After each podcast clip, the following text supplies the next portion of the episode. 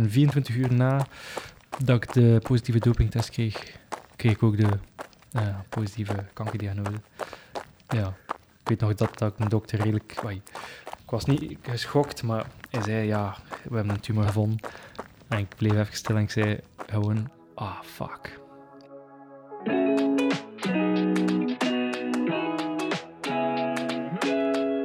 Dit is Wat je nog niet wist over. Een podcast van Leef, het gezondheidsmagazine van CM. Over onze gezondheid in de breedste zin van het woord.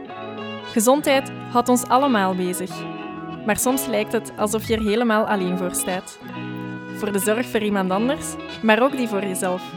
En dat willen we bespreekbaar maken. Ik ben Stefanie, ik werk bij CM en ik praat met bekende Vlamingen over de uitdagingen op hun pad en hoe zij proberen om gezond te blijven. In deze aflevering wat je nog niet wist over. Thomas van der Plaatsen.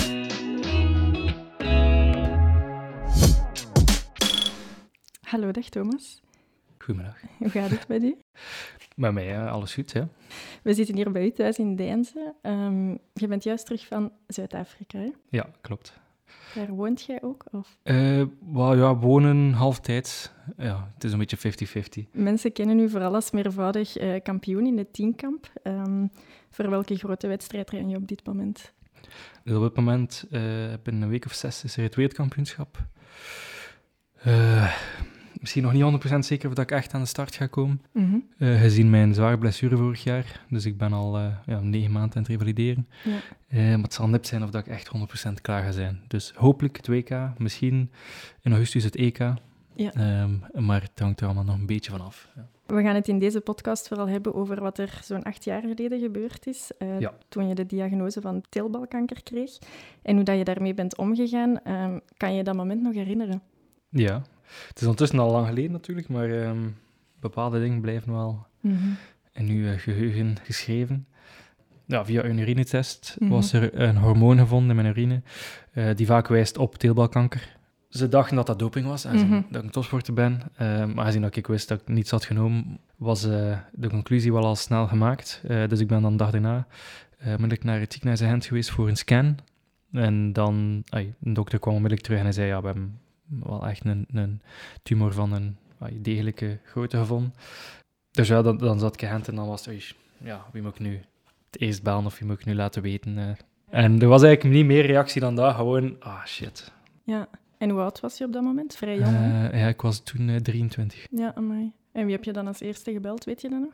Um, eerst mijn zus. Mijn zus, omdat ze mijn manager is en zij was bezig met mm -hmm. ja, het verzorgen van de PR op dat moment, omdat de pers er nogal redelijk hard opgesprongen was. Um, en dan ik kwam mijn moeder bellen, maar ik durfde niet. Ik wilde liever in persoon zijn. En dan heb ik nog een maat gebeld. En dan ben ik eerst naar huis gereden om even... Ja, mijn dagen op een rij te zetten, alhoewel dat 20 minuten op dat moment niet genoeg is. Zo. Nee, inderdaad. Uh, en dan heb ik het aan mijn mama verteld. Ja. ja.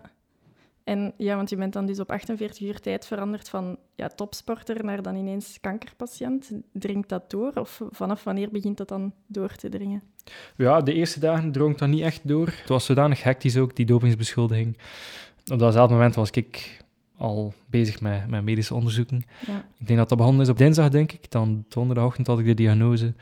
Dan persconferentie houden en vrijdagochtend was al de operatie. Ja. Ja, dus, en het was pas na die operatie, als alles stilviel, dat ik nee, echt wel iets had.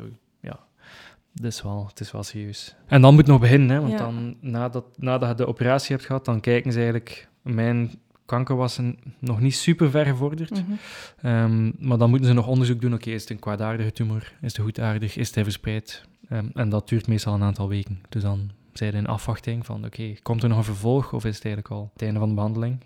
Uh, maar voor mij kwam er dan nog een, een vervolg. Ja. ja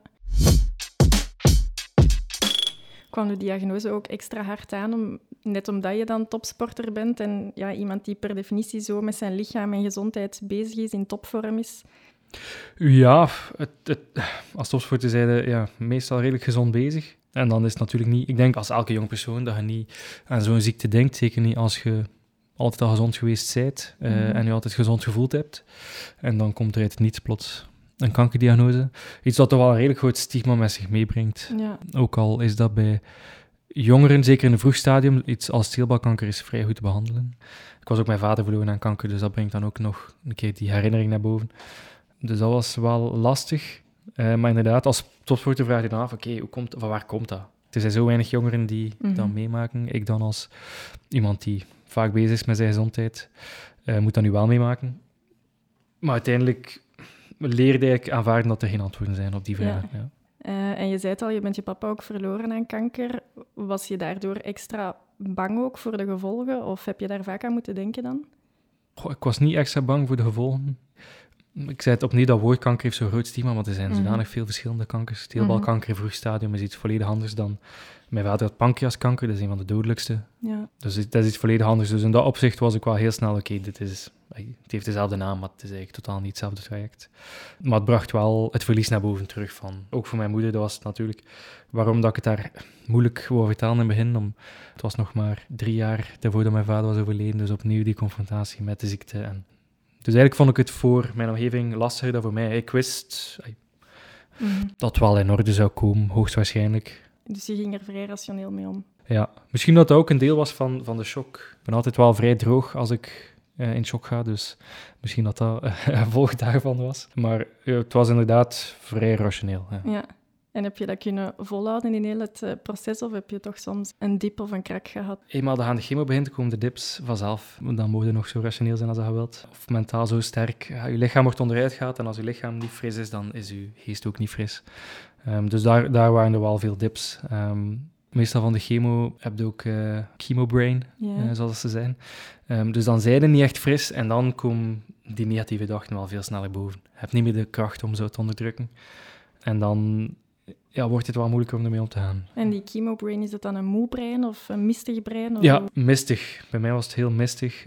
Vrij apathisch ook. Mhm. Ehm, vrij afwezig. Voor andere mensen is dat vaak last van hun geheugen of, of van depressieve gedachten.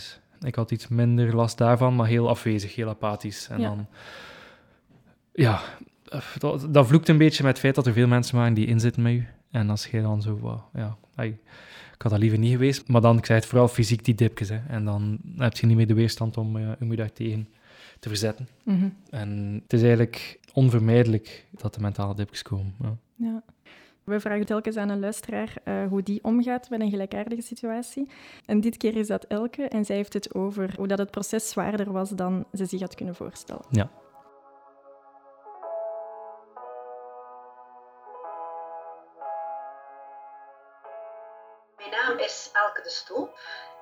43 jaar. Ik sta als leerkracht in het eerste leerjaar. In december 2020 kreeg ik de diagnose van uh, vrij agressieve borstkanker. Ik weet nog dat ik uh, in de hang de telefoon van de gynaecoloog aannam. En uh, dat ik dan in de living kwam met mijn man en mijn zoontje. Mijn zoontje was toen twee. En de tranen liepen langs mijn kaken van... Wat, gebeurt er hier? Mijn wereld staat gewoon stil vrijdag erop werd ik geopereerd. En dan daarna was het eigenlijk, dus in december mijn borst weggenomen en in januari ben ik gestart met eerst vier zware chemo's. En daarna twaalf lichte chemo's en daarna volgde dan nog bestraling. Je weet niet waaraan je begint. Je weet wel, het wordt zwaar. Maar één keer je daardoor moet, denk je, maar dat is nog veel erger dan ik me eigenlijk had voorgesteld. Wat voor mij ook heel zwaar was, dat was dat ik niet de mama kon zijn die ik wou zijn. Ik had nog een jong zoontje Ehm, en ik had daar zoveel verdriet van dat ik eigenlijk soms te ziek was om voor mijn kind te kunnen zorgen. Dat ik niet kon spelen met hem omdat ik zo flauw was. Um, oh, mijn hart breekt er nog van als ik het vertel.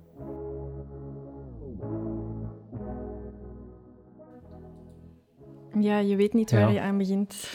Klopt. Um, ik heb daar heel veel geluk gehad. Mijn behandeling was vrij kort, maar krachtig. Mm wat dat denk ik minder erg is dan iets als uh, borstkanker is heel langdurig. Mm vaak meerdere stadia, chemo, bestraling, achteraf meestal ook nog medicatie, ehm, die dan ook meestal wel nog heel veel bijwerking heeft. En dat is veel, veel lastiger. Dat heb ik bij heel veel mensen nog gezien. En zeer herkenbaar. Voor mij, ik had geluk dat ik de korte behandeling had. Uh, maar via Back on Track kom ik met veel mensen in contact. En nou, dat aanslepen is heel lastig. Dat is mentaal super lastig. Opnieuw iets dat er heel vaak terug hoort, is dat mensen het verlies van een rol heel zwaar vinden. geen mama kunnen zijn, geen papa kunnen zijn, geen grote broer kunnen zijn. Zulke dingen. En dan zie je toch heel snel wat dat er voor mensen belangrijk is. Het is een beetje een soort existentiële crisis. Je wordt geconfronteerd met het feit dat, ja, dat de dood wel echt iets reëel is. Ik was nog jong, dus je hebt minder verantwoordelijkheden. Je bent nog geen papa, je hebt nog geen gezin. Ik had ook geluk, geluk en ongeluk met mijn job. Uh, ongeluk natuurlijk, omdat het heel afhankelijk is van je gezondheid. Ehm, maar het geluk dat ik wel mijn eigen ritme en mijn eigen uren beslis. En in dat opzicht is opnieuw iets heel moeilijk voor mensen, is terug ja, in je werkdag stappen. Omdat je vaak vasthangt aan de uren van je job. Als je leerkracht bent, dan uh, is er weinig te kiezen. Um, en vaak is het in het begin dan de volgende dag te veel. En dan moet flexibel behandeld worden. Dat lukt niet overal, dat lukt niet in elke setting. En ik had daar heel veel geluk in, dat ik dat zelf gedeeltelijk kon beslissen. Het nadeel daarin is dat ik ook wel veel verantwoordelijkheid droeg voor het succes of, of het niet-succes ervan. Um, maar ik ben, ben, heel content geweest dat ik, als ik een slechte dag had, dat ik, uh, wil zeggen, oké, vandaag uh, zit er niet in, of vandaag moet rustiger, of, of vandaag kan het juist harder. Ja, en bij jou was je professionele entourage dan ook um, familie, hè? Ja, ook of al. een aantal. Ja, ja. Heeft dat geholpen? Of? Ja, zeker. Um, het niveau van empathie is heel hoog natuurlijk. Hè. Je zit in met je broer, die ja, nog droom heeft binnen de sport, die gezond wil worden terug. Um, ook zij werden geconfronteerd opnieuw met dat verlies van ons mm -hmm. vader. Mm -hmm. Maar ja, die ondersteuning is onvoorwaardelijk. Of dat ik nu terug zou gekomen zijn in de sport of niet. Um, of mijn volledige gezondheid zou teruggevonden hebben of niet. Die steun ging er altijd geweest zijn. En ja. dat, dat, heeft, dat zorgt voor een soort rust dat ik uh, altijd dankbaar voor ga zijn. Ja.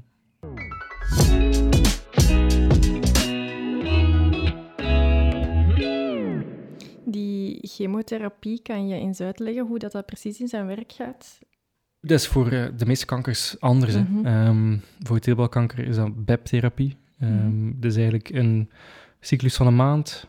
Uh, eerste week in het ziekenhuis uh, is voltijds, dus dag en nacht.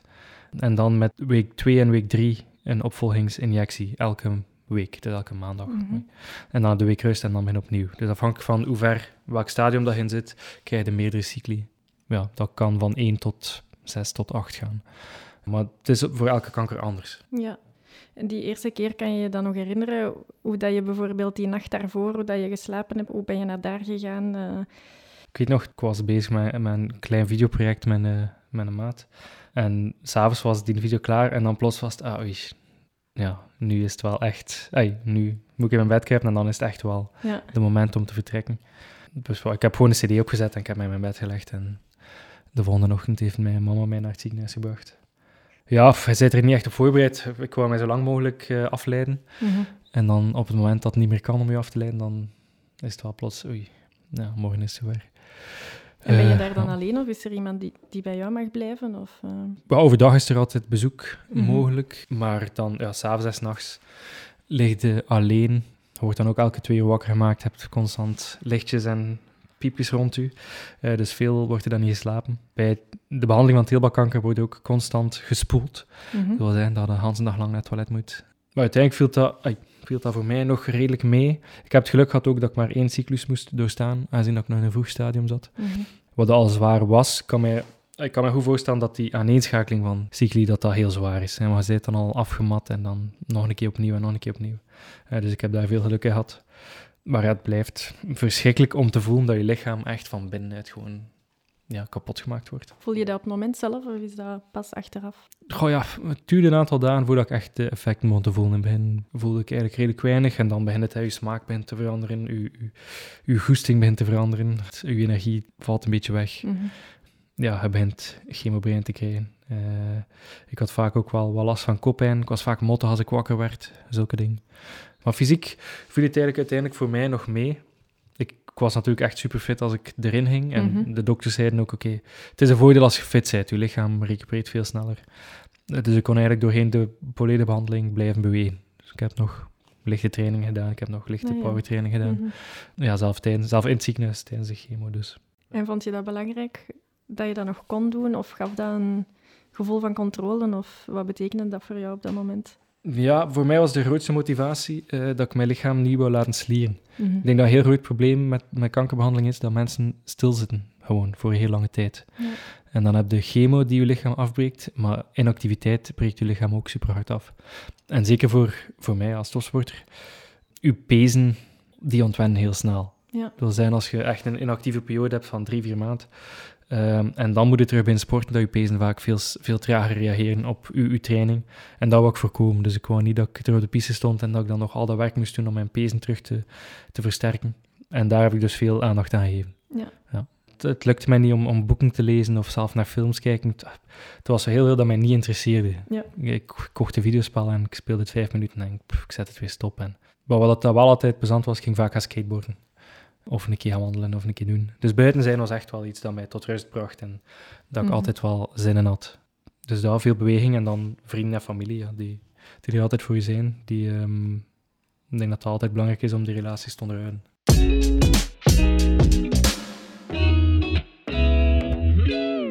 Als je erop terugkijkt op heel die periode, heel het proces, wat vond je het zwaarste of het moeilijkste? Er waren een aantal momenten dat je op terugkijkt, of dat je beseft, dat moment dat zo ambetant zijn. Eh, Als ik mijn haar verloor, was- de haar verliezen was niet zo erg, maar je merkt dat de reactie van mensen plots anders wordt. En eh, Mhm. daar had ik eigenlijk geen nood aan. Vooral omdat ik eigenlijk nog in het dagelijks leven functioneel was. Ehm, en dat vond ik minder plezant, omdat ik, ik had eigenlijk geen nood aan om speciaal behandeld te worden. Ik ben gewoon ziek geweest. En, En bedoel je dan ja, dat ze je behandelen als zieke of bang zijn om toenadering te zoeken? Of hoe merk je Ja, dat- beide. dat mensen zijn... zijn ai. Wat ook wel begrijpelijk is, dat mensen zich bezorgd maken rond u. Op dat moment wilde eigenlijk gewoon dat leven weer normaal doorgaan. Mhm. En, Mhm. en eenmaal dat je daar kwijt bent en bijna elke ervaring met iemand is terug herinnerd worden aan het feit van oei, er is iets mis met mij, want eh, ze vragen altijd hoe dat is en ze blijven maar vragen hoe dat is en ai, op de Ja. deur. Maar anderzijds kan ik ook niet klagen natuurlijk dat mensen met mij inzaten. Eh, maar op dat moment, eh, en ik denk dat dat voor veel mensen is, ze willen gewoon terug naar het normale leven en niet constant bij elke interactie herinnerd worden aan het feit van ah, er is eigenlijk iets niet goed met u. Ja. En dan natuurlijk sportspecifiek. Ik had ervoor gekozen om onmiddellijk terug te komen, onmiddellijk na de chemo, omdat ik natuurlijk mijn carrière niet wou verliezen. En dat was redelijk hard, ja. Ja. Ehm, zo die trainen was eigenlijk geen probleem, maar het was echt die grens gaan opzoeken was, Mhm. was lastig. En dan je loopt er natuurlijk vaak tegen de muur en dan... Mhm. Ik heb het mijzelf eigenlijk moeilijk gemaakt om mij zo, zo snel te willen terugkomen. Anderzijds was het ook wel interessant, omdat ik echt wel veel heb geleerd uit die ervaring. Maar ja, ik heb dat wel afgezien met mezelf. Ja. En wat heb je eruit geleerd? Ja, ik had maar, denk zeven maanden om na de chemo terug Mhm. volledig. Dus er was eigenlijk geen tijd om te verliezen. Dus ik heb echt wel geleerd om heel efficiënt te trainen. Ja. Eh, om te zien wat dat echt wel de grootste prioriteiten zijn en om geen energie te geven aan zaken die niet prioritair zijn. Er is wel echt heel veel veranderd in de manier waarop ik naar het leven keek, na die diagnose en na de behandeling.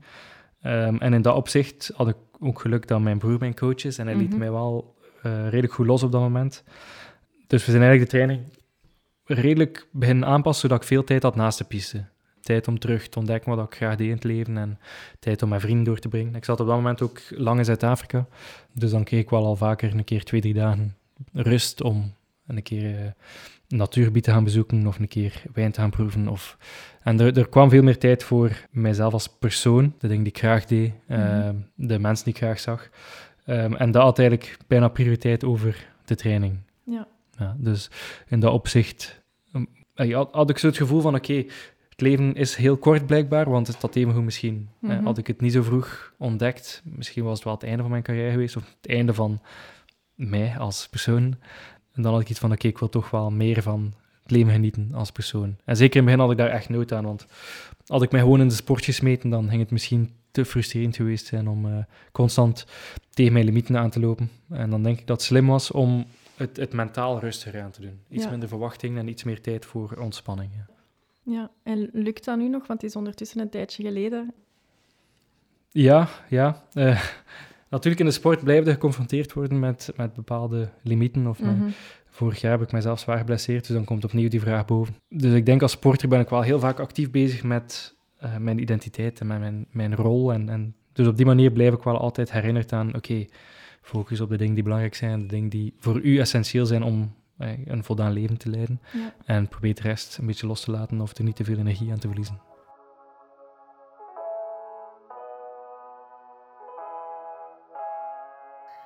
De herstelperiode was voor mij zwaarder dan verwacht. En ik weet nog dat ik bij de huisarts zat en dat ik zei, oh, ik ben een beetje ontgoocheld in mijn lichaam. En de huisarts confronteerde mij en zei, weet je wel wat je lichaam allemaal heeft doorstaan? En hoe sterk je lichaam daarmee heeft omgaan, ik dacht, het is eigenlijk waar. Uh, ik ben niet altijd sportief geweest, maar ik ben wel graag in beweging. Dus uh, ik voelde wel, ik heb nood aan iets om terug te doen. VZ2 De Baanbrekers is een uh, organisatie die opgericht werd met en door mensen die allemaal een beetje hetzelfde verhaal achter de hebben als ikzelf. Die zijn hebben om terug een beetje te bewegen, te sporten. Toen ik de eerste keer um, van plan was om te gaan lopen, was ik toch een klein beetje zenuwachtig.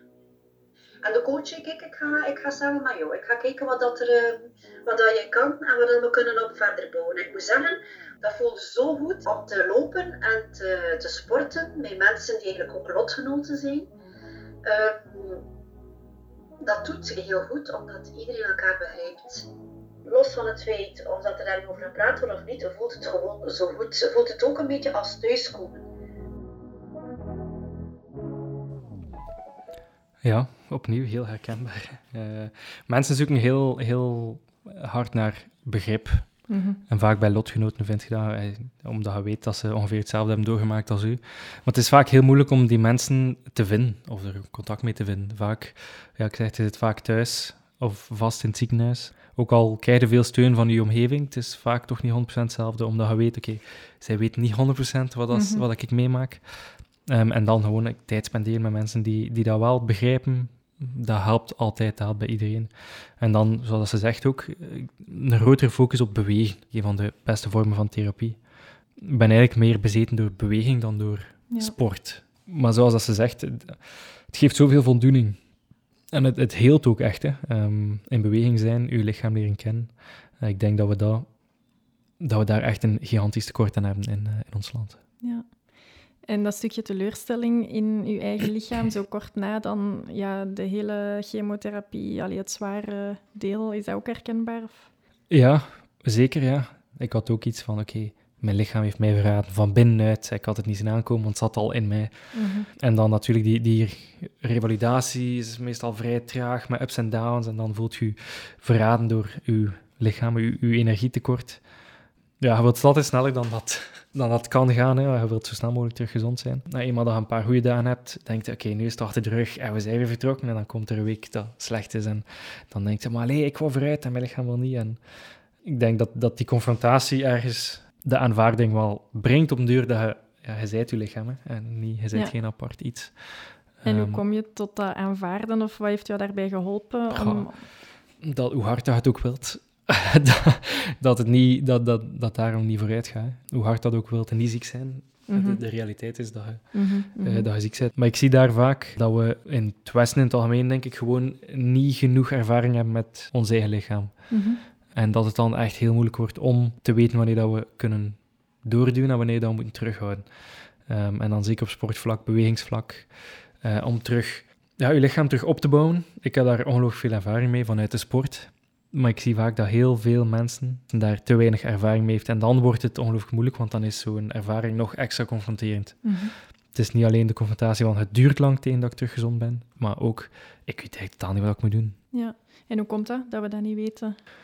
Het is gewoon geen deel van onze cultuur, denk ik. Mhm. ja, we zijn een heel rationele cultuur. En daarin past ja, dan misschien iets zweverige idee van omgaan met je lichaam en, en mindful zijn. Het past daar minder goed in. Meestal is het dan pas als we iets meemaken dat we de nood ervan inzien. Dat en eigenlijk zou het iets moeten zijn die we van jongs af aan meekrijgen. Als er dan iets gebeurt, dat we tenminste weten hoe dat we moeten reageren. En is het iets dat jij dan ook pas hebt geleerd of ontdekt hebt dan sinds de diagnose? Of had je dat daarvoor al?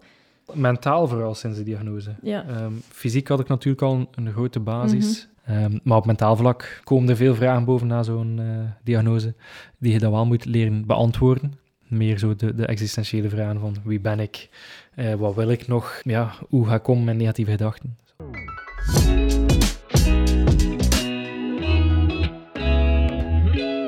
Heb je er altijd vertrouwen in gehad dat je er terug zou staan?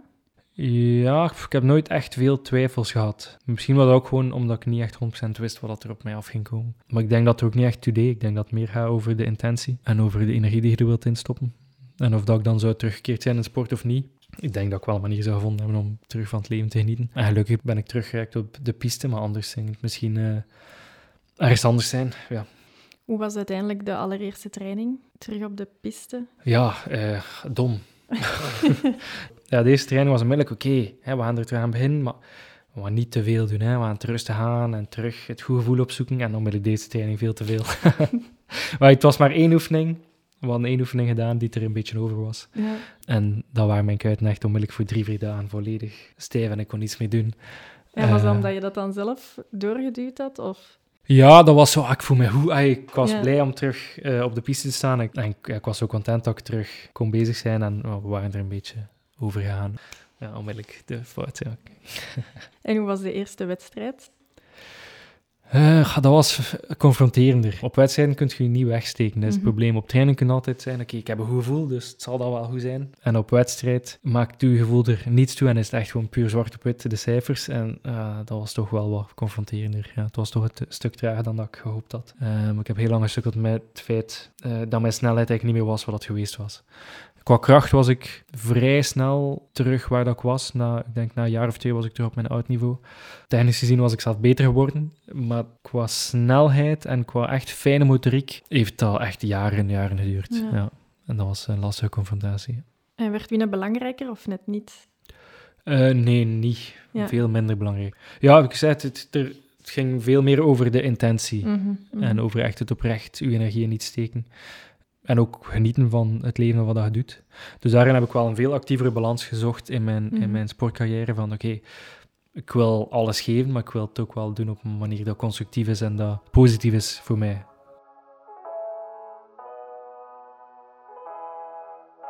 Er is een voor- en een nadeel aan contact met lotgenoten hebben. Dat is fantastisch. Je begrijpt elkaar, je zit in de schoen, je, je, je doet leuke dingen samen, je sport er samen.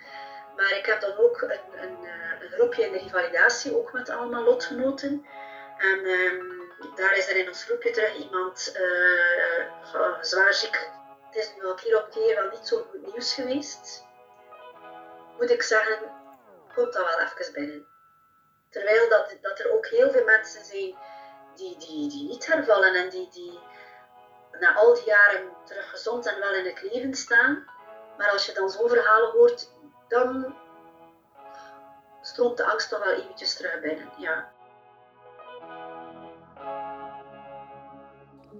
Ja, die angst om.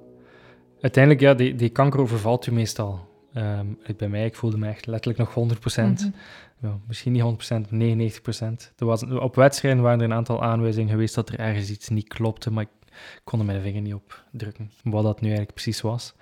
Maar het overvalt u. Dus dan heb je het gevoel, oké, vanaf dat het dan weer goed gaat, als ik terug hersteld ben, dan kan het mij op dezelfde manier overvallen. Dus het is eigenlijk nooit weg als je terug op controle moet of als je van iemand hoort dat hij hervallen is of iemand hoort die, die de ziekte gekregen heeft. Dan nijp het wel een keer en dan ja, denkt wel een keer, ju, ik hoop dat ik het niet uh, terugzitten heb ooit. En moet jij op dit moment nog op controle of waar bevind jij je in? Nee, ik ben uh, los op dit moment, ja. Het is, het is uiteindelijk ook al acht jaar geleden. Mhm. Um, dat wordt afgebouwd. Hè. Eerst is het om het half jaar op controle, dan om het jaar, dan om de twee jaar en dan, um, ja, dan is het gedaan, dan zijn ze gezond verklaard. Ik word natuurlijk wel nog opgevolgd als ik bloedtesten krijg, dan worden al de kankerwaarden altijd bekeken.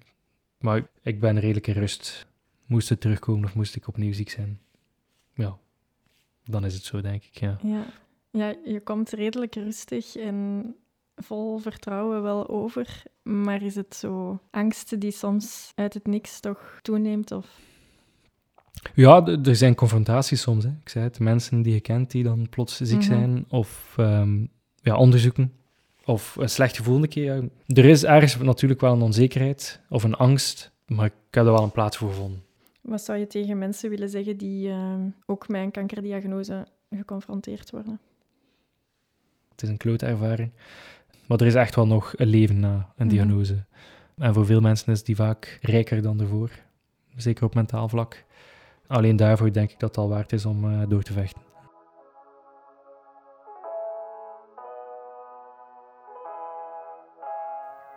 Hoe ik nu in het leven sta, bewuster. Ik ga, zoals ik daarnet ook zei, meer genieten. Zelfs van hele kleine dingen. En dat, is, dat, dat gaat echt van de zon die schijnt tot uh, de bloemetjes die in de tuin staan te groeien, tot de glimlach op mijn zoon zijn gezicht. tot terug samen dingen kunnen doen met mijn broers, mijn zussen, mijn schoonzussen, mijn schoonbroers, mama en papa. Uh, ja, we zaten veel bewuster in het leven. En je geniet ook veel meer van. van ik, ik, daarmee wil ik zeker niet zeggen dat elke dag roze weer aan maneschijn is, maar dat is het voor niemand. Um, elke keer ik ook naar het ziekenhuis terug moet voor een onderzoek, voor een gesprek met de oncoloog, staat mijn hart ook wel eventjes stil en heb ik ook wel schrik. En zijn dat dagen waar, waarmee ik echt mee bezig ben en echt ook wel angstig ben. Maar ik probeer nog altijd te denken aan de zin die de psycholoog in het ziekenhuis tegen mij zei. Stel u eens niet de vraag, wat moest ik hervallen? Maar stel u eens de vraag, wat als ik nu eens niet herval? En alles wat ik nu heb doorstaan is achter de rug. En dat vind ik eigenlijk heel mooi gezegd, want het is ook zo. En dat is echt wel iets wat me zeker is bijgebleven en waar ik ook zoveel mogelijk probeer bij stil te staan. Van wat als ik niet herval, oh, dan, dan, dan wil ik van de toekomst zoveel mogelijk genieten en wil ik mezelf vooral geen druk opleggen en doen wat voor mij goed voelt. Ja, we hadden het al een paar keer over die veranderingen sinds ja. de ziekte. Kan jij dat ook benoemen, hoe dat de Thomas voor de ziekte, of wat dat hij zou doen, of, of denken of vinden dat hij nu niet meer zou doen? Is dat heel duidelijk voor jou in sommige gevallen? Ja, ik denk dat ik van persoonlijkheid niet echt veranderd ben. De kleine dingen interesseren me niet meer zo hard. Als er ergens wat drama is, of, of er steekt iets tegen, of dat doet mij redelijk weinig op dit moment. Mm Ik heb meer oog ook voor de alledaagse dingen zoals dat ze zei, uh, passeert een bloemetje en je denkt, ah, eigenlijk is dat wel zot, dat dat zomaar uit de grond komt.